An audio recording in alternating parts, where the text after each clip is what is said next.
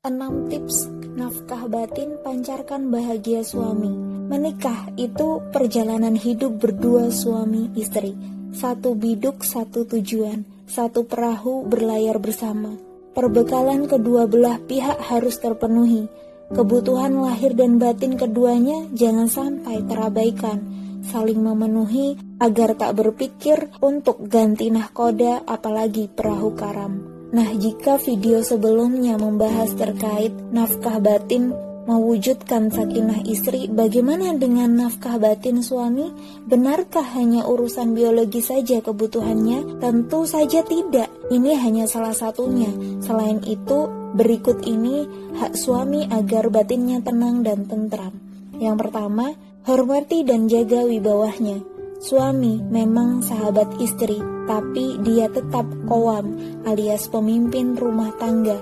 Jangan perlakukan semena-mena, jangan diceramahi, jangan diomeli, hormati, taati dengan ridhoi sepenuh hati.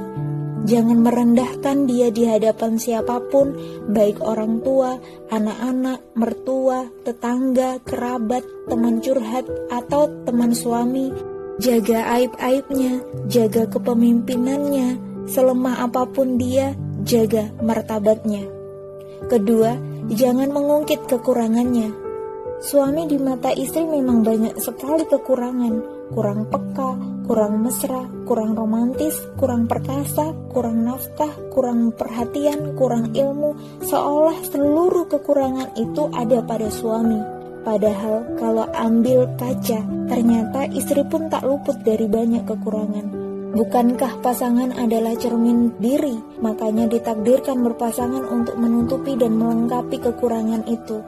Nah, saat emosi, bertengkar atau marah, janganlah kekurangan dan kesalahan-kesalahan suami yang telah lalu diungkit-ungkit lagi, membangkitkan goriza bakok yang seharusnya justru diredam. Suami pasti marah jika demikian. Ketiga, biarkan istirahat pada waktunya. Suami sudah lelah bekerja sepekan, terkadang ada waktu luang sedikit atau saat libur butuh istirahat. Namun terkadang hal ini di mata istri jadi persoalan.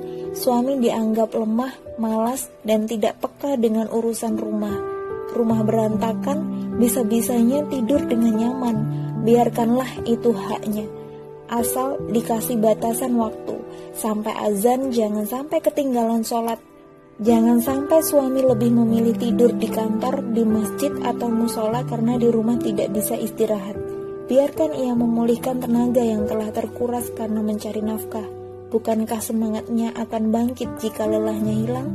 Keempat, tempat merajuk dan bermanja.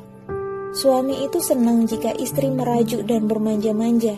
Mereka merasa dibutuhkan, Sebab para suami tipikalnya jaim, cuek, dan gengsian. Maka itu istri yang harus proaktif memulai kemesraan. Walaupun para istri juga pemalu dan jaim, tapi ingat suami istri tidak akan harmonis kalau urusan intim bermasalah.